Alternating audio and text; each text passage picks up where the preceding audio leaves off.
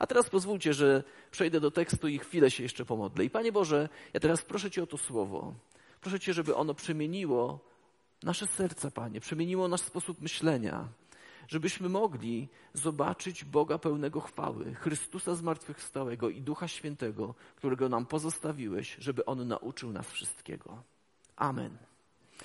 I to dzisiejsze przesłanie zatytułowałem sobie Złamane obietnice albo Złamana obietnica, bo wielu z nas, jeśli byśmy uczciwie spojrzeli na swoje życie, to zdarzyło się wielu z, nam, z nas nie dotrzymać danego słowa.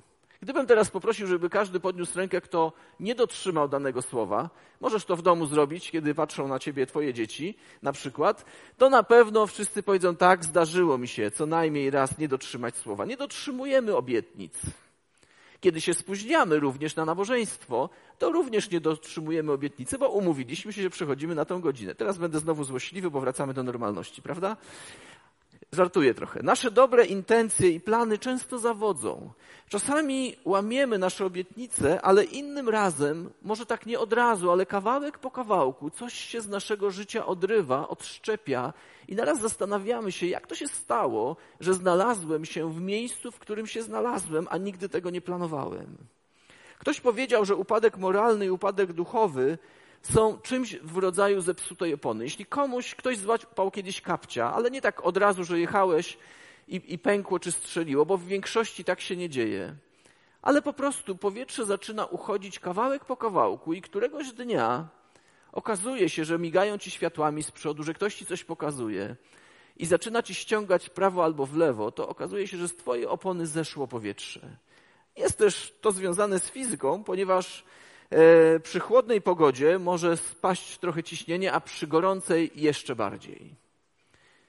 Więc powoli z nas coś uchodzi i możemy nie zauważyć, że idziemy w miejsce, w którym nigdy nie planowaliśmy się znaleźć. I w dzisiejszym fragmencie spotkamy się twarzą z twarz z osobami, które powróciły do złych nawyków, które powróciły do starych grzechów, choć nie miały ku temu żadnego powodu. Można by pomyśleć, że ostatni rozdział tej księgi Nehemiasza, przecież jeśli pamiętacie, tydzień temu oni świętowali, radowali się, mur był już e, rozstawiony, byli razem i przez całą księgę dochodzimy, myślimy sobie, no na końcu musi być jakiś happy end. I dochodzimy do trzynastego rozdziału, które muszę wam powiedzieć, że rozzłaszcza mnie, że powoduje we mnie, dlaczego tak się tam wydarzyło. Ale kiedy patrzę na swoje życie, to myślę sobie już chyba więcej rozumiem, dlaczego to się tam tak wydarzyło. Bo w krótkim czasie dzieci Izraela upadły duchowo i powróciły do swoich starych sposobów robienia rzeczy sprzecznych z tym, co Pan Bóg im zalecił i co im pokazał. I to prowadzi do jednej lekcji z Księgi Nehemiasza, o której w tym tygodniu w trzyminutowych wystąpieniach południe w południe mówiłem. Dobre początki nie gwarantują szczęśliwych, e, szczęśliwych zakończeń. Dobre początki nie gwarantują szczęśliwych zakończeń. Jeśli jesteś w relacji małżeńskiej, to jeszcze nie spotkałem się, żeby ktoś w czasie uroczystości ślubnej, para młoda, żeby się pokłóciła i rozeszła. Natomiast spotkałem się, że rok, dwa, trzy lata później ta relacja wygląda już trochę inaczej. Jest dojrzała, ale chcę powiedzieć, że piękny ślub nie gwarantuje szczęśliwego małżeństwa. Trzymanie się blisko Pana Boga coś nam gwarantuje. I w tym kontekście chciałbym mówić. Ale zanim przejdziemy do 13 rozdziału, to chcę króciutko przypomnieć, że Nehemiasz wrócił do Persji pod koniec rozdziału 12. Odbudował mur, zachęcił ludzi, poustawiał, wszystko pozarządzał i wrócił do Persji, bo tak też obiecywał, obiecał królowi. I w tym rozdziale dowiadujemy się, że Nehemiasz pięknie się spisał w perskim Białym Domu. Pięknie tam wszystko poprowadził. Wyczuwał prowadzenie Pana Boga. Poprosił i otrzymał od króla powołanie na poprowadzenie zespołu budowlanego, aby odbudowali mury Jerozolimy. Został mianowany gubernatorem i służył przez 12 lat na tym stanowisku naprawdę dobrze zarządzał. Radził sobie z wrogami, organizował ludzi, radził sobie z krytyką, e, radził sobie z odbudową, choć nie był budowniczym. I nie wiemy, jak długo był na dworze króla Persji, kiedy wrócił, ale myślę, że był, można wnioskować z tego, że był tam kilka lat. I kiedy w końcu przeszedł na emeryturę, pracy w Suzie, to wrócił do Jerozolimy. I to jest trzynasty rozdział. Nehemiasz wraca do Jerozolimy, bo chciał się cieszyć, cieszyć emeryturą i zostać pochowany e, w miejscu czy przy grobach swoich ojców. I rozdział 13 opisuje to, co Nehemiasz odkrył, gdy wrócił. Jak musiał się poczuć, czego musiał doświadczyć. Spędził tam kawałek czasu, pracując po, na kilka etatów, można powiedzieć, dzień i w nocy, bo tak opisują te fragmenty. I kiedy wyszedł w 12 rozdziale, w 43 wersecie czytaliśmy, że dźwięk radości w, Jeruzali, w Jeruzalem słychać było daleko. Więc wyjeżdżał, kiedy miasto było szczęśliwe, wszyscy się cieszyli, Pan Bóg błogosławił, e, byli bezpieczni i tak dalej.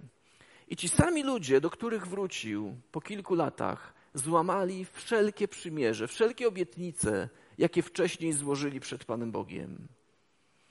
Więc Nehemiasz próbował wyrwać Jeruzalem z wygodnego kompromisu ze światem, bo to nam grozi, kochani.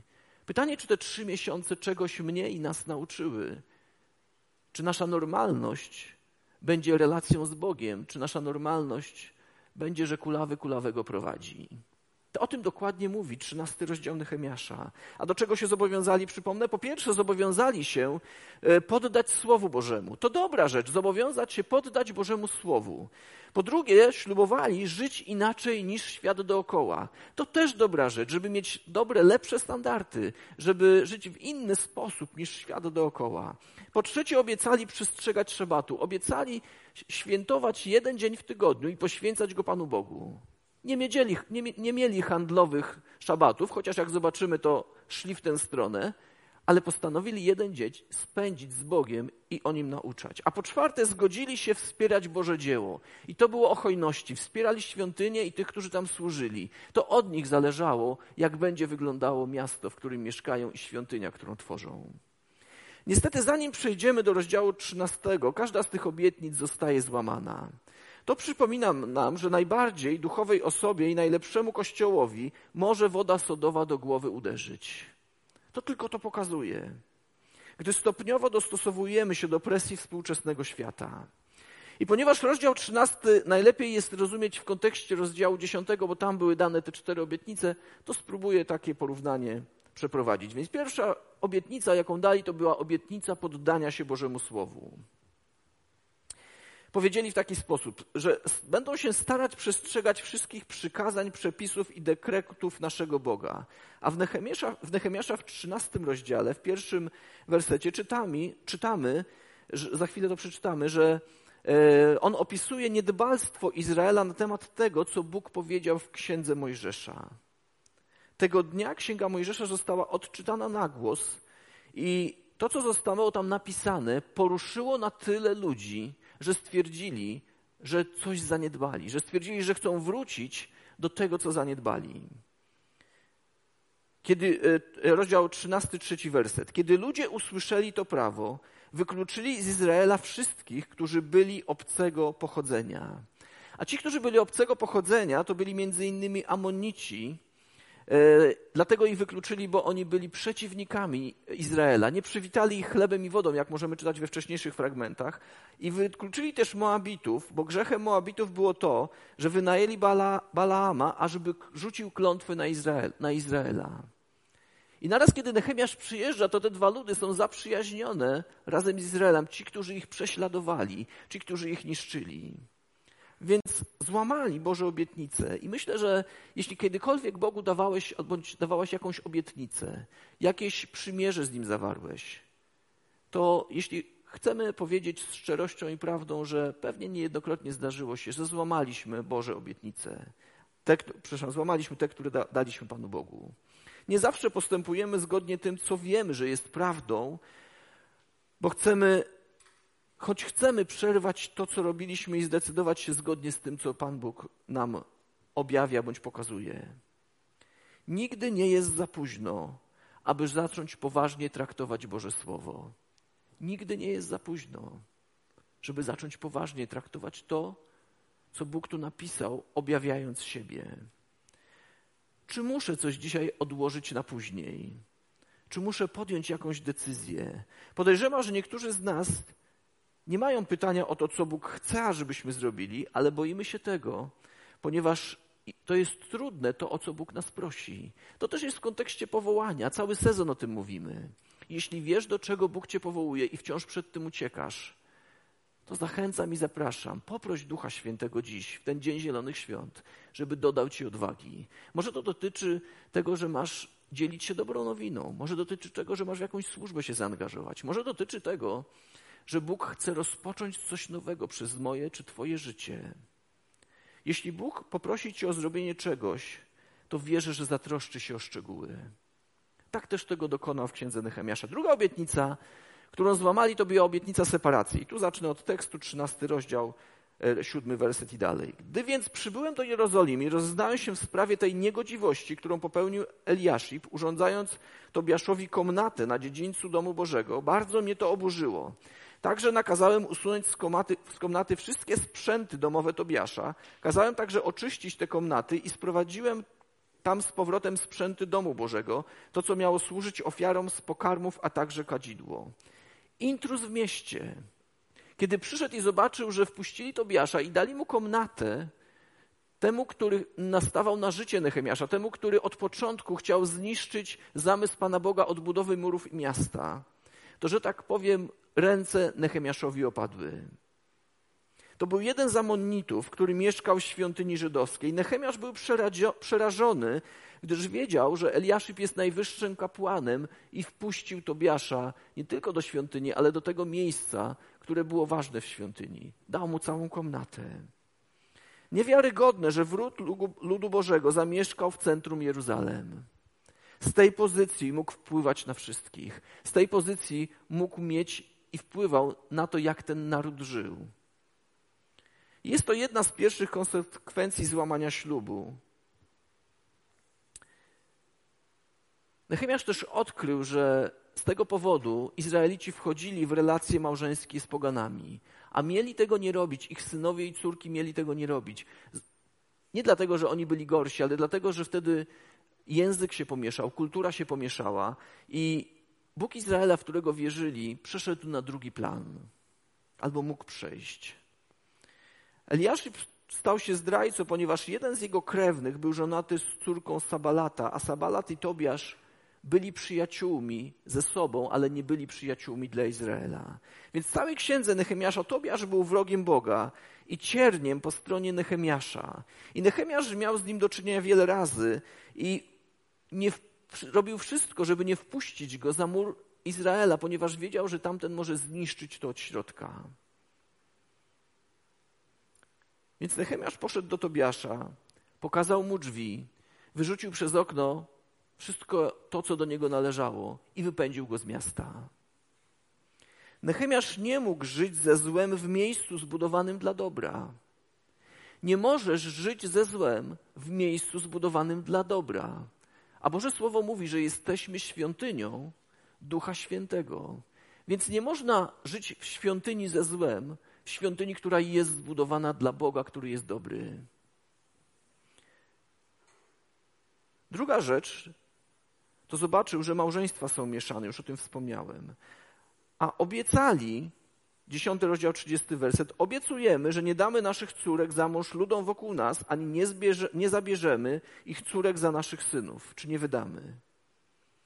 Kiedy Nehemiasz wrócił i zobaczył, że mężowie Judy poślubili kobiety z Aszodu, Amonu i Oabu, słyszał także ich dzieci mówiące w językach obcym, to oznaczało, że kiedy nie potrafią czytać w języku rodzimym, to nie będą umiały czytać Bożego Słowa, nie będą umiały czytać prawa Bożego, jakie zostało nadane. Nie będą rozumiały to, co się do nich mówi w ich rodzimym języku. A zaledwie kilka lat wcześniej, gdy Boży, Boży naprawiał mury, to był czwarty rozdział, e, Amonici i ci zaszodu planowali razem przyjść i walczyć z Jeruzalem. I to doprowadza mnie do stwierdzenia, że wczorajsi wrogowie stali się dzisiejszymi partnerami małżeńskimi. Pomyślcie, jak jest dziś. Wczorajsi wrogowie stali się dzisiejszymi partnerami małżeńskimi. Kiedy Nehemiasz to zobaczył, to wzburzyło to, w nim, to coś w nim. Wystąpiłem więc przeciw nim, zbeształem ich za to Niektórym, niektórych pobiłem i wytargałem za włosy, zaprzysiągłem ich, tych, ich też na Boga. Nie wydawajcie waszych córek za ich synów, nie bierzcie też ich córek za żony dla waszych synów i dla siebie. Chcę powiedzieć, że tu jest wskazówka dla naszej poradni.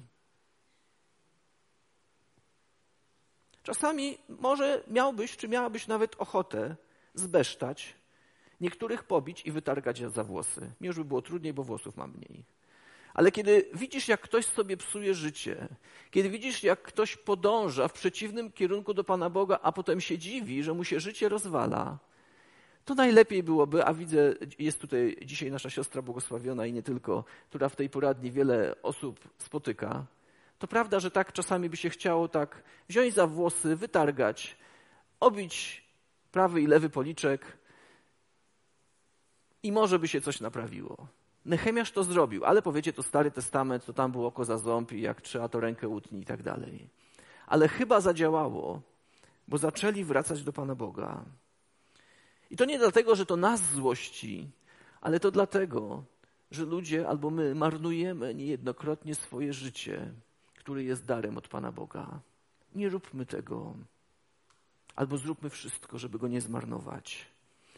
I ten właśnie grzech był głównym powodem, dla, które, dla którego zostali wzięci do niewoli babilońskiej. To, że wchodzili w relacje małżeńskie nie z tymi, z którymi powinni wchodzić, to było powodem, że, że, zostali, że byli w niewoli babilońskiej. Nechemiasz wiedział, że pogańskie kobiety doprowadziły nawet najmądrzejszego króla Salomona do grzechu. A sam Nechemiasz osobiście doświadczył skutków grzechu Salomona. I właśnie dlatego jego dziadowie zostali wywiezieni do Babilonu. I kiedy wraca i widzi, że historia zatoczyła się kołem i że za chwilę ten naród znowu może się rozproszyć i odejść do Pana Boga, to wzbudziło w nim reakcje, jakie wzbudziło. Więc złamali również tę obietnicę. Trzecia obietnica, jaką złamali, to była obietnica hojności. Przeczytajmy kawałek dalej. Wystąpiłem więc przeciwko ludziom sprawującym władzę z takim oskarżeniem.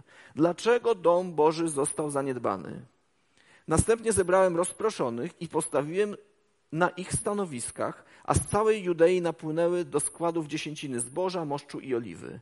Do nadzoru nad składami wyznaczyłem kapłanów. Ci bowiem ludzie uchodzili za rzetelnych. Na nich spoczęła odpowiedzialność za obdzielanie braci. Nechemiasz, kiedy odjeżdżał, to ustanowił mądry i zdrowy system, również finansowy, żeby i miasto, i świątynia mogła dobrze działać. I wszyscy byli szczęśliwi i zadowoleni. I nie brakowało ani susza, ani opady. Ludzie byli i miasto przygotowane na to. Nechemiasz nie tylko ich zgromił, ale pokazał im, co zrobić, aby wprowadzić pewne zmiany. I właśnie to Bóg robi dla każdego nas, z nas. Chce, aby zło zostało usunięte, a dobro natychmiast przywrócone.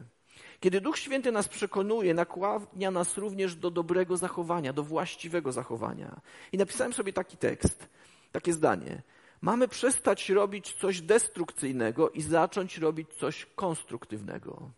Przestańmy niszczyć swoje życie również finansowe, moralne, E, rodzicielskie nastolatków, studentów, młodych dorosłych, a zacznijmy robić coś konstruktywnego, coś, co buduje, coś, co powoduje, że pozostawimy po sobie znaczący ślad. Nechemiasz ustanowił pewne systemy administracyjne. Ci, którzy mówią, że w kościele e, on jest organizmem, ale e, przede wszystkim jest też jest organizmem, ale też jest organizacją pewną, to Nechemiasz to potwierdza. On zrobił pewien system administracji, żeby zapewnić, że dziesięciny znowu zaczną wpływać do świątyni. No, możecie powiedzieć Stary Testament, ale powiedzcie mi, w którym miejscu Bóg odwołał Stary Testament. Pokażcie mi fragment na to. Jezus wypełnił prawo i jest końcem tego prawa, ale nigdy go nie odwołał, ani nie powiedział, wiecie co tamto to już nieważne, wręcz podniósł poprzeczkę w moralności, w duchowości, w hojności, w wielu innych dziedzinach. Podniósł poprzeczkę w naszym życiu. Ludzie ponownie zobowiązali się do postawienia Bogu na pierwszym miejscu także w finansach i przynieśli Bogu to, co było Jego. Nechemiasz był odważny w tym, co mówi. Przyjechał i zrobił porządek we wszystkich dziedzinach, w których porządku nie było. Myślę sobie, aż dziwne, że krzywdy mu nie zrobili, albo że go nie wywieźli z tego miasta, albo nie wyrzucili. I co potem zrobił? Następnie wyznaczył czterech mężów do nadzorowania skarbca i rozdawania dziesięciny i ofiar. Wiecie, wierzę w to, że kiedy my będziemy wierni Panu Bogu i hojni, to naszym braciom i siostrom, nawet tym, którzy nie pracują, bo z jakiegoś powodu nie mogą, nie zabraknie, bo Pan Bóg już obmyślił, jak to ma działać. Nie zabraknie, bo będziemy mogli wspierać siebie nawzajem. Pamiętacie też, że Pan Jezus powiedział: Ubogich i biednych zawsze będziecie mieć między sobą, ale zadbajcie najpierw o domowników wiary. I chcemy dbać, więc jeśli Ci brakuje, a jesteś domownikiem wiary, to bez obawy przyjdź, bo Boże Słowo do tego upoważnia. I jeśli tylko będziemy mogli, to chcemy z tego skarbca ludzi, zasobów, finansów udzielać i nigdy nikomu nie odmówiliśmy, jeśli ktoś potrzebował. Przynajmniej ja nie pamiętam. Co ciekawe, ci ludzie, którzy reprezentowali kapłanów, lewitów i uczonych w piśmie świeckich, mieli jedną wspólną cechę. Uważali ich za godnych zaufania. I myślę, że jeśli jesteś osobą godną zaufania, to Bóg postawi cię w takim miejscu, że będziesz mógł zarządzać naprawdę dużymi rzeczami. Naprawdę będziesz mógł mieć wpływ na to, czy będziecie mogli wpływ mieć na to, co Bóg chce przez ciebie zrobić, a ty będziesz tylko rozporządzał tym, co Bóg w Bożym Królestwie postawił. Kiedy Boży lud zaczyna upadać duchowo, jedną z pierwszych dziedzin jest dawanie. Kiedy zaczynam upadać duchowo, to pierwsza myśl, jaka mi się pojawia, to może, a może przestanę dawać ze swojego życia, ze swoich finansów, ze swojego talentu, ze swojego daru. Krótko mówiąc, powoli znikasz z kościoła. Już to zostało przerobione w Starym Testamencie i można to też obserwować dzisiaj. Więc jeśli dzisiaj nie macie przed ekranem tego, przed ekranem twojego jakiegoś urządzenia, bądź za tydzień nie będziecie w tym miejscu, chyba że jesteś osobą, która nie może przyjść ze względów czy zdrowotnych, czy jakichś obaw, to rozumiem to. Ale przemyśl, przemódl, w jakim miejscu jesteśmy. Izraelici odnowili swoje zobowiązanie do oddawania czci Bogu także swoimi portfelami. I również my musimy także w tej dziedzinie dokonać uczciwej oceny naszego dawania. I w tej kwestii chcę zostawić z takim pytaniem nas. Czy stawiasz Boga na pierwszym miejscu także w swoich finansach? I zdecyduj, co to oznacza. Trzecia, czwarta obietnica, przepraszam, którą złamali, to była obietnica szabatu. Izraelici obiecali, że nie będą robić interesów z poganami w dzień szabatu. Dziesiąty rozdział, 32 werset mówi tak. Nie kupimy od nich w szabat ani w inne święta. I kiedy Nehemiasz przyjeżdża, 13 rozdział, 17 werset, to czyta, to mówi takie słowa. Dopuszczacie się niegodziwości, zarzuciłem im. Lekceważycie dzień szabatu. Czy nie tak postępowali wasi ojcowie i czy nie za to Bóg sprowadził na nas i na to miasto całe to nieszczęście? Bezczeszcząc szabat, narażacie Izrael na coraz rozszy gniew. Nechemiasz odkrył, że ludzie nie tylko robili interesy w szabat, ale traktowali to jak każdy inny dzień tygodnia. Wiecie, takie wyłączenie się na trzy miesiące, również z zawodowych wielu dziedzin, spowodowało, że niektóre osoby zobaczyły, że mogą odpoczywać. Niektóre firmy nawet zobaczyły, i korporacyjne, i mniejsze, że można inaczej, że można na spacer wyjść, że kiedy można było, to można było, że w domu można posiedzieć, świat się nie zawalił. Nie wszystkie firmy od razu upadły, niektóre będą musiały zmienić swoją działalność, niektóre być może długo będą się podnosić, ale zatrzymanie całego świata na chwilę. Wierzę, że spowodowało więcej korzyści niż niekorzyści. Może mnie za to ktoś ukamieniuje. W korzyści duchowych chciałem powiedzieć. Bo człowiek naraz się zaczął zastanawiać, po co ja to wszystko robię? Po co ja za tym biegnę? Czy ja za właściwymi rzeczami biegnę? Czy ja właściwe skarby sobie gromadzę? Czy te pieniądze, które mam albo których nie mam, czy one mi coś dają, czy one mi coś zabierają, czy przynoszą więcej trosk? Czy rodziny, które mamy bądź nie mamy, jeśli je mamy, to czy ja tak naprawdę doceniam to, kogo mam i z kim żyję pod własnym czy pod jednym dachem? Nechemiasz nie usiadł i nie pozwolił zignorować również tej obietnicy dotyczącej jednego dnia, w którym mieli traktować Pana Boga jako kogoś najważniejszego, Jemu oddawać chwałę. Mówił surowo i działał stanowczo, ustanawiając trzy kroki działania, jeśli chodzi o Dzień Święty. Po pierwsze, zgromił Żydów, którzy pracowali i sprzedawali w szabat i powstrzymał ich. Więc wpłynął na ich sytuację finansową. Ich dochody spadły. Po drugie, zgromił arystokratów za umożliwienie prowadzenia interesów w dzień szabatu, przypominając im, że naruszenie sabatu było jednym z powodów ich niewoli. Pokazał im, że naruszenie sabatu doprowadziło ich do niewoli. Wiesz co, kiedy musisz pracować 7 dni w tygodniu, to pytanie, czy to jest Twoja decyzja, że pracujesz, czy tak naprawdę musisz pracować, bo jesteś w pewnym sensie niewolnikiem. Nie możesz wyłączyć, nie możesz nie odpisać, nie możesz nie być online, nie możesz wyciszyć telefonu. Pytanie to są Twoje czy moje decyzje, czy tak naprawdę nie możesz tego zrobić i to doprowadzało do niewoli. Po trzech miesiącach nie wracajmy do niewoli. Żyjmy w wolności, jaką Pan Bóg daje. A trzeci krok był bardzo praktyczny. Nakazał zamknięcie bram w szabat i postawił na straży niektórych swoich strażników. Groził tym, że ci, którzy chcieli sprzedać swoje towary w tym dniu, a także nakazał lewitom posta postawić dobry przykład i służyć w tym czasie ludowi. Jakże byłoby fantastycznie i jak przez trzy miesiące było fantastycznie, prawda? W pewien sposób, że mogliśmy tutaj, co prawda, w mniejszej ilości, ale służyć w większej ilości.